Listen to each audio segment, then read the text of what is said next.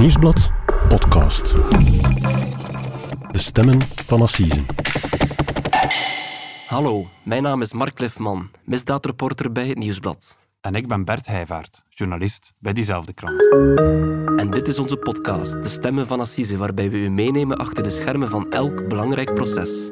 En vandaag hebben we het over Alexander Dien, een 29-jarige bodybuilder, die op 24 uur tijd niet één, maar vier moorden heeft gepleegd.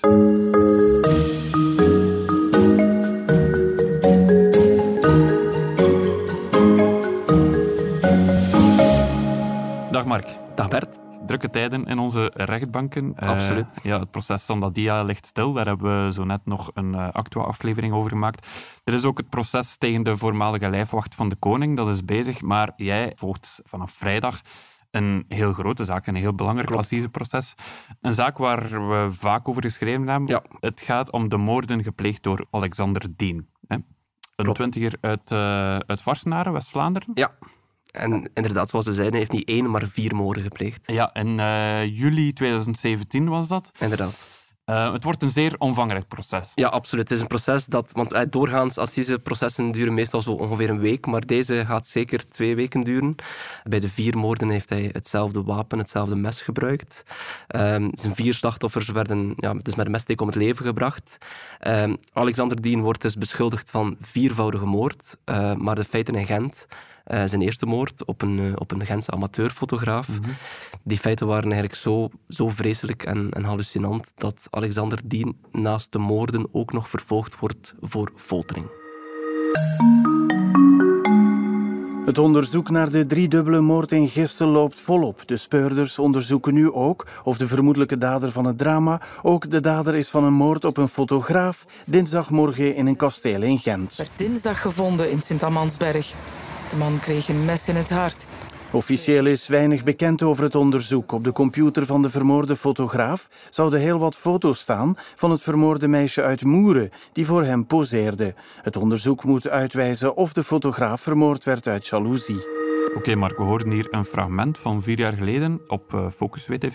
Een fragment waar eigenlijk al heel veel informatie in zit, want men spreekt over een drievoudige moord in Moeren. Ja. Dat is een deelgemeente van Gestel waar een jong meisje vermoord werd. Maar men spreekt ook over een moord in Sint-Amansberg bij Gent op een fotograaf. Ja, klopt. En misschien moeten we beginnen bij die moord. Uh, dus de moord op uh, amateurfotograaf Jeroen Verstraeten. Uh, want daarmee is eigenlijk alles begonnen. Hè. Mm -hmm. Het hele onderzoek begint op 25 juli 2017. In Gent krijgt de politie een, een, telefoontje binnen dat de zekere Jeroen Verstraeten vermist is. Het was eigenlijk een collega van hem die, die, die de politie had gebeld, omdat ja, die, die man was niet op zijn werk komen opdagen en die mm -hmm. vond dat heel bizar. Dus die collega geeft dan onmiddellijk het adres door van uh, de fotograaf en hij vertelt van ja, je woont daar ergens op een uh, afgelegen kasteeldomein in Sint-Amansberg. Ja, en die politie gaat dan gewoon gaan aanbellen, die bellen aan, die man thuis uiteraard. is. Dus, uh, ja. dus ja, twee politieinspecteurs die gaan onmiddellijk naar die woning. Het is nog vrij vroeg in de ochtend, ja, het was een, rond een uur of negen, denk ik. Mm -hmm. En die agenten stellen meteen vast dat het gebouw achter de metalen hekken dat dat niet is afgesloten. Aan de voordeur zien ze een laptop liggen en ze gaan binnen en in de hal zien ze meteen bloedsporen. Is het duidelijk of er op dat moment nog iemand binnen is? Of, nee, of, dus ja, wat ja. doen ze? Ze trekken meteen een wapen om te zien van ja, voor hetzelfde geld zit er nog iemand binnen. Uh -huh. En ze stellen vast, ja, het, het kasteel ligt er heel afgeleefd en, en, en vuil bij. Maar zodra ze ja, echt binnengaan in de woonkamer, zien ze in de zetel een silhouet van een man. Dus ze gaan dichterbij. Plots zien ze daar het lichaam van een man naakt in de zetel liggen. Er is ook heel veel bloed rond hem. Hij is duidelijk het slachtoffer van een ernstig misdrijf. Ja, ze zien meteen eigenlijk ook van ja, die man heeft een, een wonde in de borst. Zijn mond is open. En, zeer opvallend, de handen en voeten van het slachtoffer die blijken vastgebonden met zwarte tijp. Dat wijst op een gruwelijke moord, ja, een heel gruwelijk misdrijf. Ja, absoluut. Uh, dus de agenten die, die kloppen bij de buren aan om te horen of zij misschien iets verdachts hebben gezien. Die mensen vertellen natuurlijk ook meer over ja, wie, wie is die man eigenlijk, hè? Jeroen Verstraeten.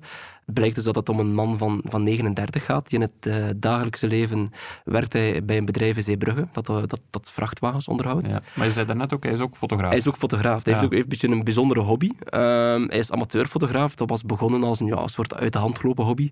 Uh, met, hij was heel gepassioneerd door natuurfotografie en, en vissen. Mhm. Maar later breidde hij zijn, zijn portfolio uit met, met, met foto's, met fotograferen van modellen, van vaak ook jonge meisjes die soms naakt voor zijn, uh, voor zijn lens poseerden. Ja, ja, ja. Maar nu, Even terug naar de crime scene. Je zegt, uh, de politie ziet daar um, ja, die fotograaf naakt in zijn zetel liggen, vermoord. Ja. Is er op dat moment al een duidelijk spoor naar een dader? Nee, in tegendeel. Dus de, aanvankelijk is het een mysterie. Hè. Dus de, de, de, tijdens het sporenonderzoek... Dus ja, de politie komt dan eigenlijk massaal toe in die woning. Ja, hè. De, ja, ja. Het CSI-team van de federale de politie komt langs. eh. De mannen met de witte pakken. En natuurlijk, wat valt er nog op in die woning? Naast het lichaam van Jeroen Verstraeten ligt een, eh, een motorjas van de beruchte motorclub No Surrender. Dat is een van de beruchte motorclubs in, in ons land. Je hebt zo de, de Outlaws, de Hells Angels. No Surrender is ook een andere tak. Ehm, Dus dat, ja, dat geeft een beetje een raar gevoel voor de speuders. Mhm. In de woonkamer treffen ze ook een, een baseballknuppel aan, waarmee het slachtoffer dan misschien zou zijn toegetakeld. Maar goed, wat doet de politie? Ze kijken nog meer van ja, wie was die man? Hè? Ze halen hem ook eens door de politiedatabank. En dan stellen ze vast dat eh, Jeroen Verstraeten eerder die maand nog aangifte, aangifte heeft gedaan eh, van een inbraak. Dus een maand eerder is er Ja. ingebroken in zijn kasteeltje in Gent. Ja. Ja. Nu goed, of dat iets met de feiten te maken heeft, dat weten de speurders op dat moment niet. Maar er zijn wel een aantal rare dingen eh, gebeurd tijdens die inbraak. Want Jeroen Verstraeten deed in zijn aangifte melding dat er, dat er een mes onder zijn matras werd gelegd, dat er geplast werd op zijn spullen, dat er foto's van familieleden werden kapotgemaakt. eigenlijk dat, allemaal... is, ja, dat is geen traditionele nee, inbraak dat is voor niet, geld. dat is niet ja. een portefeuille te stelen. Dat was duidelijk een, een soort bedreiging. Hij vond ook twee briefjes terug toen, waarop ja, cryptische boodschappen stonden van ja, hoe voel je je nu? En, en ja, het was dus duidelijk dat ja, de fotograaf op een of andere manier moet hij ergens vijanden hebben gemaakt.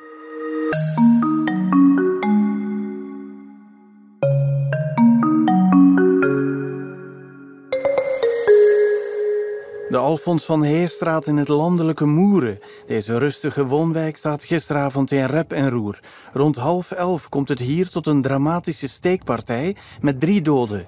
En er is een vermoedelijke dader, want de jonge vrouw werd al wekenlang gestalkt door haar ex-vriend. De man zegt zelf in een gepost filmpje op het web dat hij de relatiebreuk niet aankon. with my very own hands, I destroyed everything I loved, everything I cared for. And I don't have anything left now. Mark, we horen hier opnieuw een fragment van Focus WTV. Ehm, dit gaat over de andere moord, over de drie doden die gevallen zijn in Moeren bij Gestel.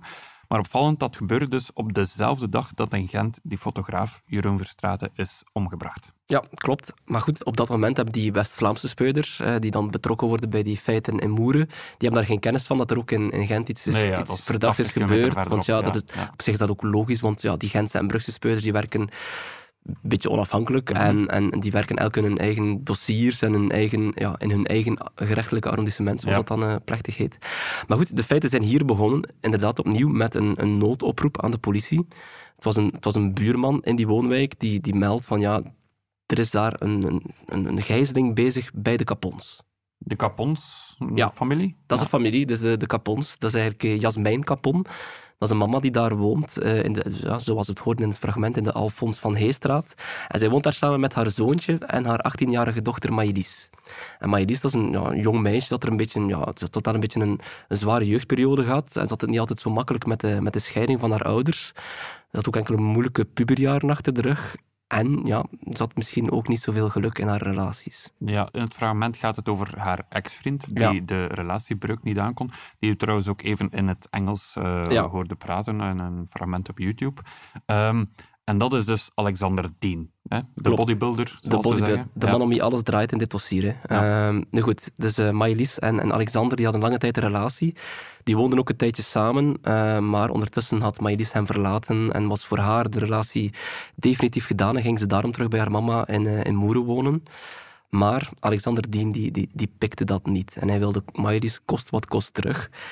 En dat was ook de reden waarom hij die bewuste avond eh, op 25 eh, juli 2017 bij haar, eh, bij haar thuis in Moeren opdook. Ja, want er is sprake van een gijzeling daar, hebben we al gehoord. Hè? Wat was daar juist aan de hand? Wel, het probleem in heel dit dossier is wel, we kunnen enkel afgaan op de verklaringen van Alexander Dien zelf. En waarom is dat? Want ja, nou goed, alle andere betrokkenen zijn om het leven gebracht Ja. en zij kunnen het niet meer navertellen. Mhm. dus, maar goed, het feit is, de politie krijgt dus een telefoontje binnen van die ongeruste buurman. Zij haasten zich met verschillende combis eh, naar de woning van Maëlys en haar mama in Moeren. nog geen zeven minuten later arriveert er al een eerste combi en dan een paar minuten later nog een, nog een andere combi. En dus die agenten gaan binnen en roepen dat ze van de politie zijn, maar ja, binnen is er niets anders buiten de stilte. Dus in de woonkamer zien ze uh, het lichaam van een jong meisje in, in, een stoel aan tafel. En dat is Mylis? Dat is Mylis. Um, zij blijkt dus tijdens die gijzeling om het leven gebracht. Um, ja, rond haar hart is het één grote bloedvlek. Uh, maar goed, ze is daar ook niet het enige slachtoffer in die woning. Want in diezelfde ruimte liggen dus nog twee mensen. Het gaat om, om Gerry Capon, de opa van Maëlys, en Marie-José van Lenen, uh, de oma van Maëlys. En zij blijken ja, allemaal met uh, identieke messteken om het leven gebracht. Ja, er is dus iets vreselijks gebeurd. Is er al redelijk snel een spoor naar, naar Alexander Dien? Nee, en eerlijk gezegd, op dat moment weten de lokale politieagenten ook niet meteen ja, wie die dader geweest moet zijn. Uh, dat wordt pas duidelijk als ze, als ze de gsm van Maëlys op het uh, keukenaanrecht aantreffen. Mhm. Dat is wel opvallend. Uh, ze, bekijken die gsm natuurlijk en ze zien meteen dat de camera nog open staat. Dus kort voor de feiten is er een filmpje gemaakt. En ze bekijken die beelden natuurlijk. En op die beelden is te zien dat ja, Maëlys filmt paniekerig uh, hoe haar grootouders arriveren die avond.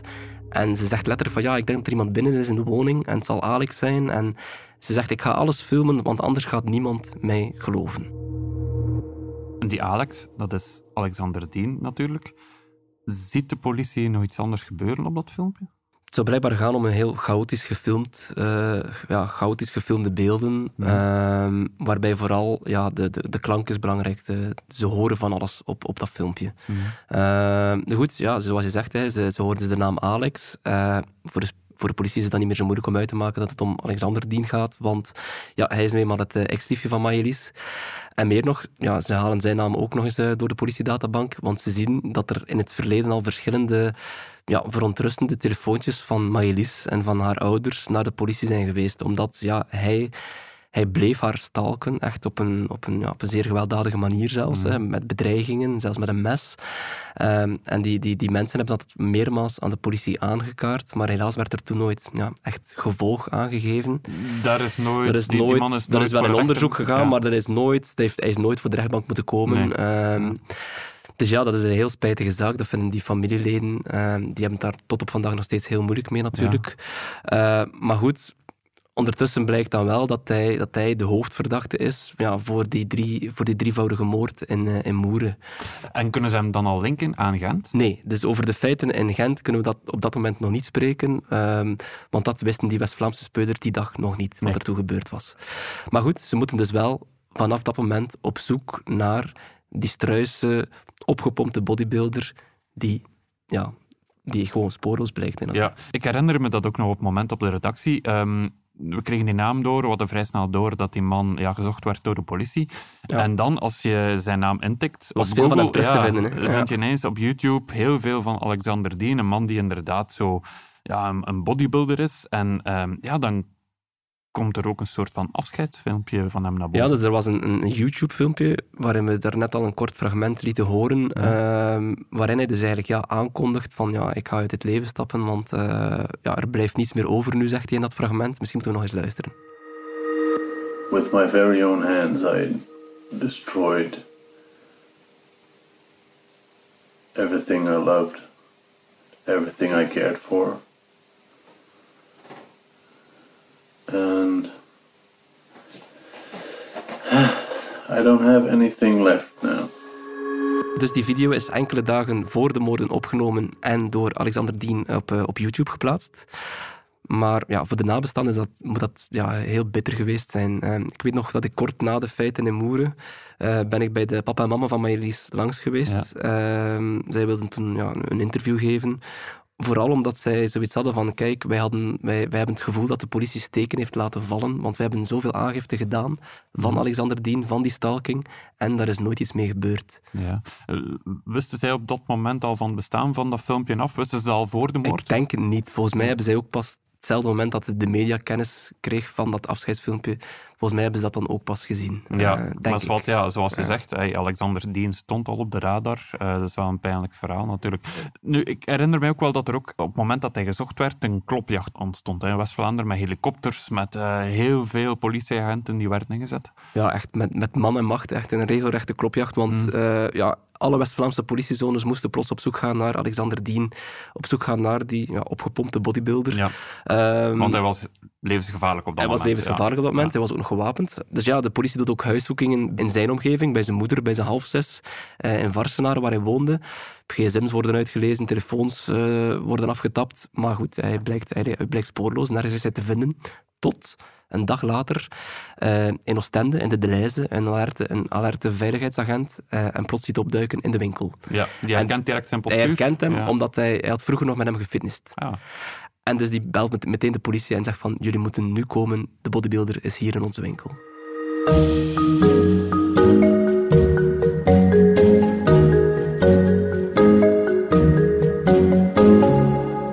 De verdachte kwam eten en drank kopen in de supermarkt aan het Mercatordok. Hij wou zijn rustzak in een kastje steken, maar dat lukte niet. En hij vroeg mij om hem daarbij te helpen. Ik heb zijn rustzak eh, in een kastje gestoken. En ik had meteen door dat het om deze persoon ging. Ja, de adrenaline begon wel een beetje te werken, maar hij probeerde toch eh, het hoofd koel te houden. Enkele seconden later verwittigt Arne de politie. Hij is dan al twintig uur op de vlucht na zijn moordpartij in Moeren. Zeer cool, alsof dat er niets gebeurd was. Eh, zeer indrukwekkend figuur ook, ja. Maar eh, nu bleek toch wel, ja, dat die persoon toch niet thuis hoort in de maatschappij. Het was zeer rap gebeurd. De politie kon hem snel inrekenen. Maar we hoorden hier een getuigenis van een de supermarkt in, Ja. eh, in Oostende. Van wie was die stem? Dat is van Arne Nijs, dat is eigenlijk de, de, dus de veiligheidsagent van de Deleuze die dan ja, uiteindelijk voor de, de arrestatie van Alexander Dien heeft gezorgd. Ja, ja. Wat mij wel opvalt in, in, in die getuigenis is dat, eh, dat hij vertelt dat Alexander Diem blijkbaar heel rustig bleef onder Ja. al die omstandigheden. Ja, hij wordt gezocht in heel West-Vlaanderen. eh, heel wat politieagenten zijn daar, eh, rekenen hem in. Maar hij blijft rustig. Ja, en zijn gedrag blijft eigenlijk zeer merkwaardig. Hè? Want tijdens zijn eerste momenten, hè, hij wordt dan meegenomen naar een politiekantoor, naar een politiecel. En hij doet alsof er niets aan de hand is. Eh, hij lijkt zich ja, totaal geen zorgen te maken. Hij maakt zelfs grapjes met de agenten op dat moment. En bekent hij eigenlijk? Wel, hij wordt dan voorgeleid bij de onderzoeksrechter. Maar ook daar, heel rustig, kalm gedrag. Hij gaat ook geen vraag uit de weg. Hij stelt zich rustig voor. Ehm, en hij begint te vertellen dat hij daar inderdaad geweest is in Moeren. Maar hij ontkent dat hij die moorden heeft gepleegd. Hij Want zegt, de wapen zit wel in zijn rugzak. Ja, maar hij zegt van, kijk, ja, op een gegeven moment ehm, ja, ben ik daar weggestapt. Ik wilde praten met Maëlys. We hebben daar aan tafel gezeten, maar dan ben ik weggestapt. En ja, ik weet niet wat er voor de rest gebeurd is. Ehm, en hij zegt op een gegeven moment tegen de onderzoeksrechter, zegt hij zelfs letterlijk van, kijk, het is een beetje tijd verspillen dat ik hier nu zit. Maar goed, eh, ik zou het triest vinden als jullie mij daarvoor zouden opsluiten. Ik kan u bevestigen dat mijn cliënt gisteren op zijn verzoek haar verhoord werd. Hij heeft hierbij bekend de dader te zijn van de feiten te Gistel. Daarnaast heeft hij eveneens spontane verklaringen afgelegd betreffende de feiten te Sint-Amansberg. Ook hier heeft hij bekend de dader te zijn. De feiten zijn inderdaad aan elkaar gelieerd daar het motief voor de feiten te Sint-Amansberg bij Maëlys te vinden valt. Dit is een nogal formele verklaring van advocaat Amélie van Belgem, de toenmalige advocate van Alexander Dien, kort na zijn arrestatie. Ja. Wat we daaruit kunnen afleiden is, aanvankelijk ontkende hij de moorden, maar er is dan toch plots een bekentenis. En opvallend, niet alleen voor de drie moorden in, in Moeren, maar ook voor de moord in Gent. Ja. Eh, de moord op fotograaf Jeroen Verstraeten. Inderdaad, dus eh, drie dagen na zijn arrestatie is Alexander Dien dan blijkbaar ja, toch tot eh, andere inzichten gekomen. En heeft hij gezegd aan de spelers van kijk, ik wil mijn verhaal helemaal opnieuw beginnen vertellen. Ehm, en tijdens die nieuwe verklaring is hij onmiddellijk over Jeroen Verstraeten begonnen. Hij zegt van kijk, ja, Maëlys is vroeger, toen ze een jaar of 16 was, is zij gefotografeerd door Jeroen Verstraeten. En hij zegt van kijk, ja, hij heeft haar toen ook verkracht. Dat is een zware beschuldiging. Is dat eigenlijk gebeurd? Maar ja, dat is, dat, is, dat is meteen een belangrijke kanttekening die wij moeten maken bij de verklaringen. We zeiden het eerder al, hè, we moeten afgaan op de verklaringen van Alexander Dien. De anderen kunnen het helaas niet meer navertellen. En wat Jeroen Verstraeten betreft, ja, het klopt dat hij doorheen die jaren vele jonge meisjes heeft gefotografeerd, ook naakt. Eh, dat bewijzen ook de beelden die, die, die, op, die op zijn computer en zo en zijn, zijn harde schijven zijn teruggevonden. Maar uit heel het onderzoek en de vele getuigenissen van, van ex-modellen blijkt eigenlijk nergens dat hij, dat hij mensen seksueel heeft misbruikt. Maar de puzzel valt wel stilaan in elkaar. Alexander Dien had weet gekregen van de foto's van Jeroen Verstraeten, foto's van Maëlys. En hij, ja, hij uh, wou daarvoor wraak nemen. Hij wilde wraak nemen, ja, ja, Zo, geeft, ja, zo zegt hij dan aan het speuders. Dus hij, zegt van, hij geeft ook toe van, ja, ik, ik ben voordien al een paar keer bij hem binnen geweest. Dus hij is dan de man die daar verantwoordelijk was voor die inbraak, hè, met die bedreiging. Um, en hij zegt van, ja, ik wil hem daar een beetje, beetje, bang, een beetje bang mee maken gewoon. Um, en op de bewuste dag van de moord was hij dus ja, opnieuw ingebroken. Hij zei eerst, uh, want ja, Jeroen Verstraeten was eerst naar zijn werk vertrokken. Um, hij is op zoek gegaan naar sporen van Maëlys op de computer en, en zo meer. Um, en nadien heeft hij Jeroen Verstraeten opgewacht toen hij terugkwam van zijn werk. Um, hij had zichzelf, Alexander Dien had zichzelf een bivakmuts aangedaan. Hij had een riem met wapens uh, aangedaan. Uh, waaronder een mes en een, en een luchtdrukpistool. Handschoenen aangedaan. En toen Jeroen Verstraeten thuis kwam, heeft hij hem onmiddellijk ja, tegen de grond geknuppeld met die baseballknuppel die later ook is teruggevonden in de woning. Maar die fotograaf, Jeroen Verstraeten, die kent Alexander Dien op dat moment niet. Die heeft wel die bedreiging gehad. Ja, maar ze hebben elkaar die... nooit ontmoet, hè, bijvoorbeeld. En tragisch genoeg voor, voor Jeroen Verstraeten is dat eigenlijk ook nog maar het begin van een ja, zeer lange, fatale nacht uh, met een vreselijke afloop. Um, het begint dus met die ja, tiental rake klappen met die baseballknuppel. Ja. Um, Alexander Dien vraagt hem ook onmiddellijk naar Maëlys. Um, en, maar ja, goed, ja, Jeroen Verstraeten zegt van, kijk, ik, ja, ik, ik, ken haar wel, ik heb haar gefotografeerd, maar ik heb haar nooit iets, iets kwaad gedaan. Um, maar goed, ja, Alexander Dien, die, die gelooft dat niet. En die dwingt hem zijn kleren af te doen en zichzelf ook uh, vast te typen met, met die zwarte tape. En dan begint die foltering waar dat je het ook al over had. Ja, daar lijkt het toch op. Hè. Dus uh, Alexander Dien heeft daar uitgebreid over uh, verklaringen afgelegd. En hij zegt van, kijk, ja, we hebben die nacht acht uur zitten praten over Maëlys, maar ook over andere meisjes. En Jeroen Verstraeten heeft toen herhaald dat hij Maëlys nooit verkracht heeft, uh, maar hij zelf pikte dat niet, hij geloofde dat niet en hij wilde dus wraak nemen. Nu, het is wel gek, ze hebben eigenlijk die, die, die, die nacht acht uur gepraat, maar ze hebben ook nog ja, ook over koetjes en kalfjes zitten praten. Ze hebben nog gegeten, ze hebben nog gedronken. Er is daar uh, alcoholvrij mojito gedronken. Uh, Alexander Dien heeft zelfs nog uh, zalm gekookt voor, voor de fotograaf. Maar tegelijkertijd, maar tegelijkertijd ja, wordt hij moet Jeroen Verstraeten ook wel beseft hebben naarmate die nacht vorderde, van ja, ik ga dit waarschijnlijk niet overleven. Ja, ja, ja. Weten we hoe die laatste minuten, hoe die laatste uren dan uiteindelijk zijn verlopen? Ja, nogmaals, het is, het is, wel volgens de verklaringen van Alexander ja. Dien, maar hij heeft dan wel tot in de details beschreven uh, hoe dat dan uiteindelijk is afgelopen. Hij zegt van, kijk, ja, we hebben eigenlijk samen, dus Jeroen Verstraat en ik hebben samen besproken hoe hij zou sterven. Um, ja, hij, dat neemt eigenlijk heel lugubere proporties aan, want hij heeft, hem, hij heeft hem blijkbaar zelf nog de keuze gelaten van kijk, ja, ofwel mag je zelf je penis afsnijden en blijven leven, of ik steek je dood. En Jeroen Verstraeten zou op dat moment zelf nog het eerste gekozen hebben, maar dan zegt Alexander Dien, ja, dat konden we toch niet doen. Uh, ik heb dan toch beslist dat het een dodelijke messteek zou worden. En zelfs dat einde hebben ze dan ook helemaal tot in de, ja, tot in de puntjes zitten bespreken hoe dat dan moest verlopen. Um, Jeroen Verstraeten die wou blijkbaar dat het leek op een afrekening van, van motorclubs. Vandaar die, die, die jas die gevonden is van, ja, van, no van motorclub No Surrender, hè, zoals we besproken hadden. Hij had ook gevraagd van ja, wil je nog een foto van mijn vader bij me zetten, dat ik daarop kan uitkijken.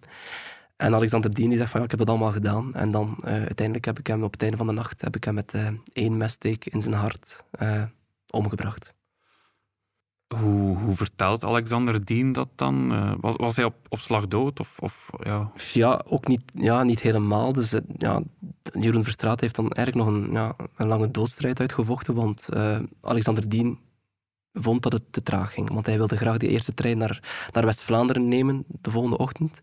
Uh, na de messteek is, is Jeroen Verstraeten waarschijnlijk nog een, een zevental minuten blijven leven.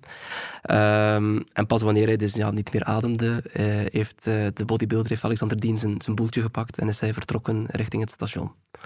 Ehm, nu goed, daar is ook nog iets lugubers. Uh, net voordat hij vertrok, heeft hij dan ook nog een foto genomen, zegt hij, met zijn gsm, van uh, de fotograaf die daar doodgebloed uh, in de zetel lag.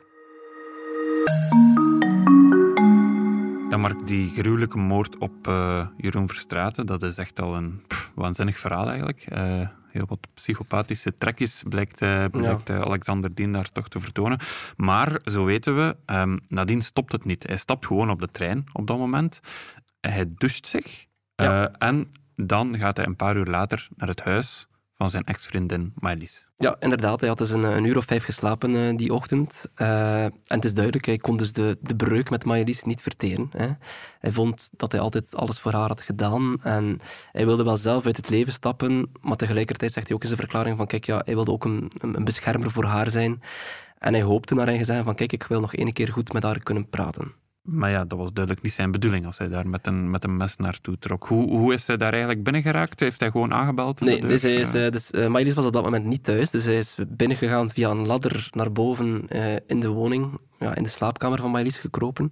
Ehm, en daar heeft hij eerst wat ja, door haar spullen zitten zoeken. En heeft vastgesteld dat, ja, dat, dat, dat zij volgens hem op het verkeerde pad was. Omdat ze, ja, ze was aan het chatten met andere mannen. Um, en hij pikte dat opnieuw niet. En ja, hij heeft dan besloten om Maëlys op te wachten in de keuken. Um, en op een gegeven moment, rond half negen s'avonds was dat denk ik, uh, zag hij dat de voordeur plots open stond en ging hij haar zoeken. maar plots stond ze voor zijn neus. En zij liep naar binnen, want ja, zij wilde weglopen van hem. Want mhm. ja, ze had altijd verleden met die stalking en die bedreigingen. Ehm, en hij is daar meteen achtervolgd. Maar tot zijn verbazing stonden op dat moment ook al de grootouders van Maëlys binnen in de woning. Is, is dat het moment dat het filmpje ook begint? Dat Maëlys... Uh... We, zeiden het al eerder in de podcast, inderdaad, er was dat filmpje. Uh, Maëlys vertrouwde het niet dat Alexander Dien binnen was. Ze, ze, is beginnen filmen.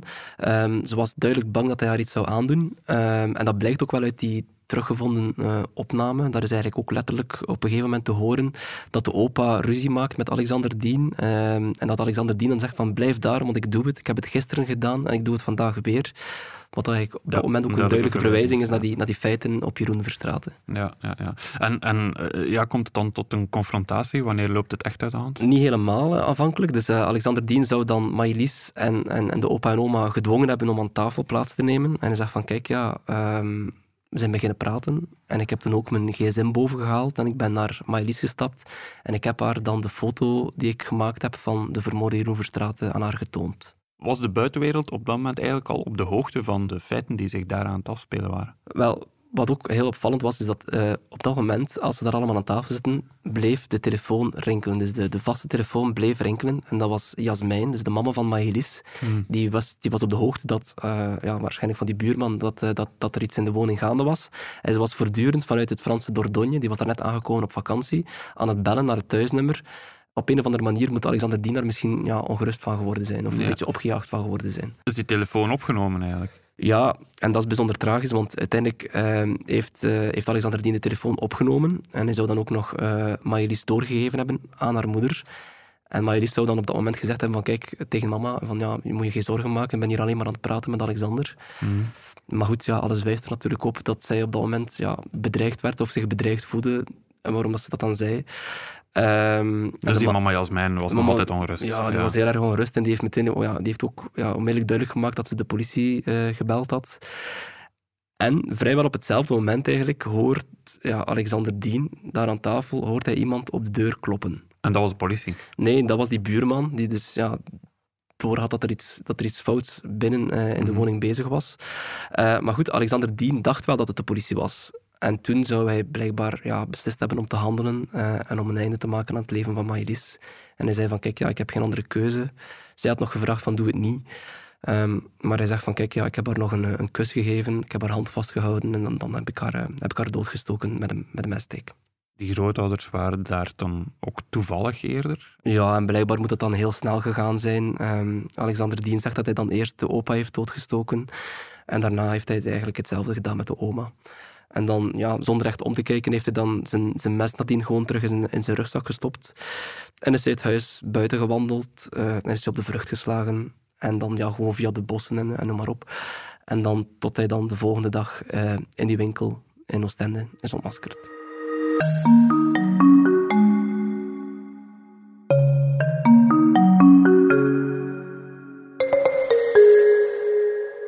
Uiteindelijk stuurde de moeder van Maëlys haar ouders naar de woning in Moeren om haar dochter te kalmeren. De vrouw zit nu met een enorm groot schuldgevoel. Ze stelt zich natuurlijk ook heel veel vragen.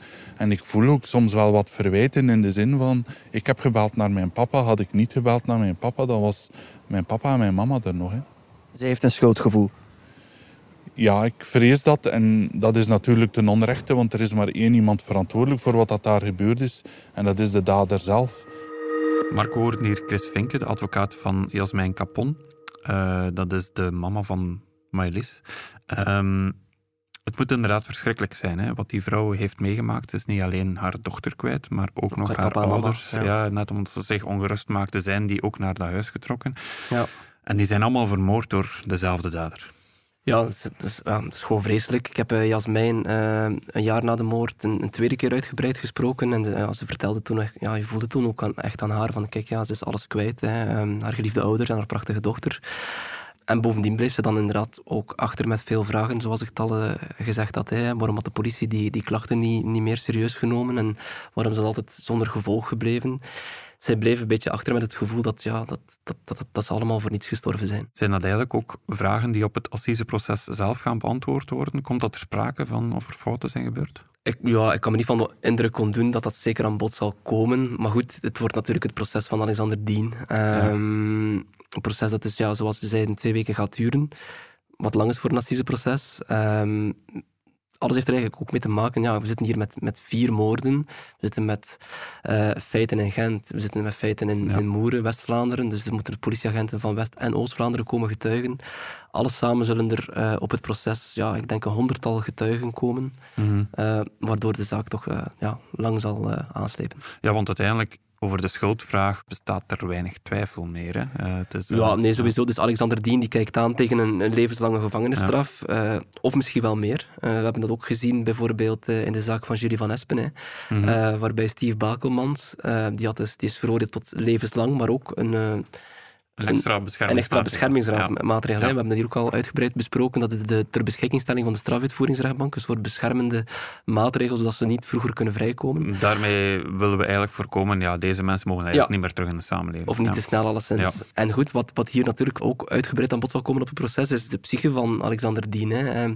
Gerechtspsychiater hebben hem uitvoerig onderzocht. En, en zij stellen van, ja, kijk, eh, Alexander Dien die vertoont ja, psychopathe karaktertrekken. En eigenlijk zeggen zij in hun, in hun conclusies van geen enkele, geen enkele behandeling uh, kan iets veranderen daaraan. Dus dat zou ook meespelen. Ma maakt dat eigenlijk een verschil voor de rechtbank? Of ja, de manier waarop deze moorden zijn gebeurd?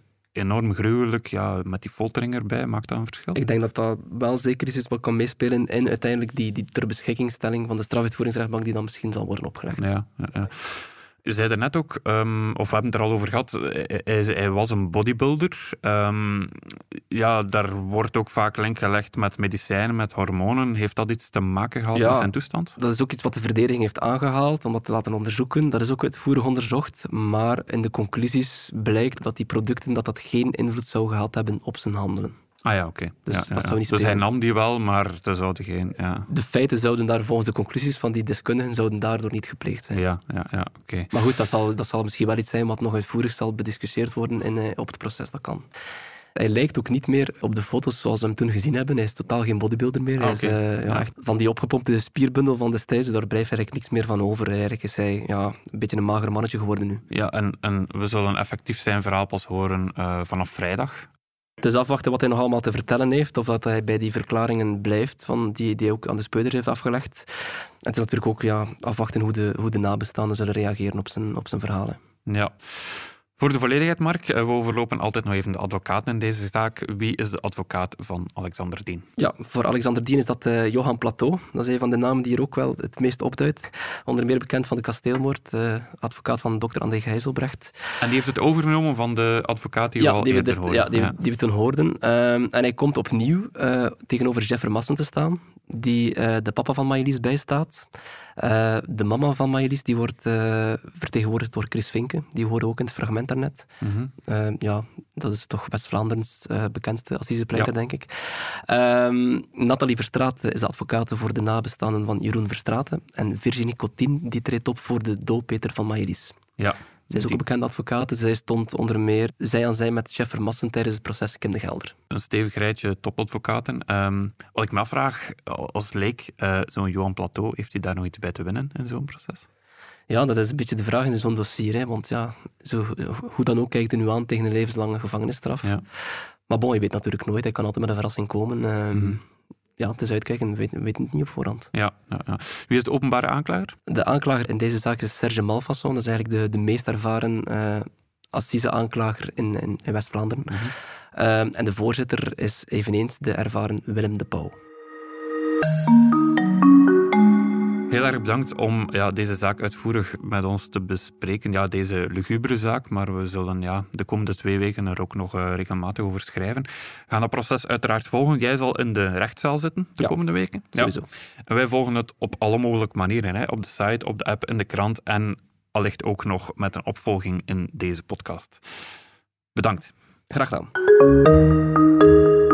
Dit was De Stemmen van Season, een podcast van het Nieuwsblad. De stemmen waren deze week van Mark Cliffman en van mezelf, Bert Heijvaart. Bedankt aan Focus WTV voor de fragmenten en bedankt ook aan Pieter Schrevens voor de audiomontage. De productie was in goede handen van Joni Keimolen.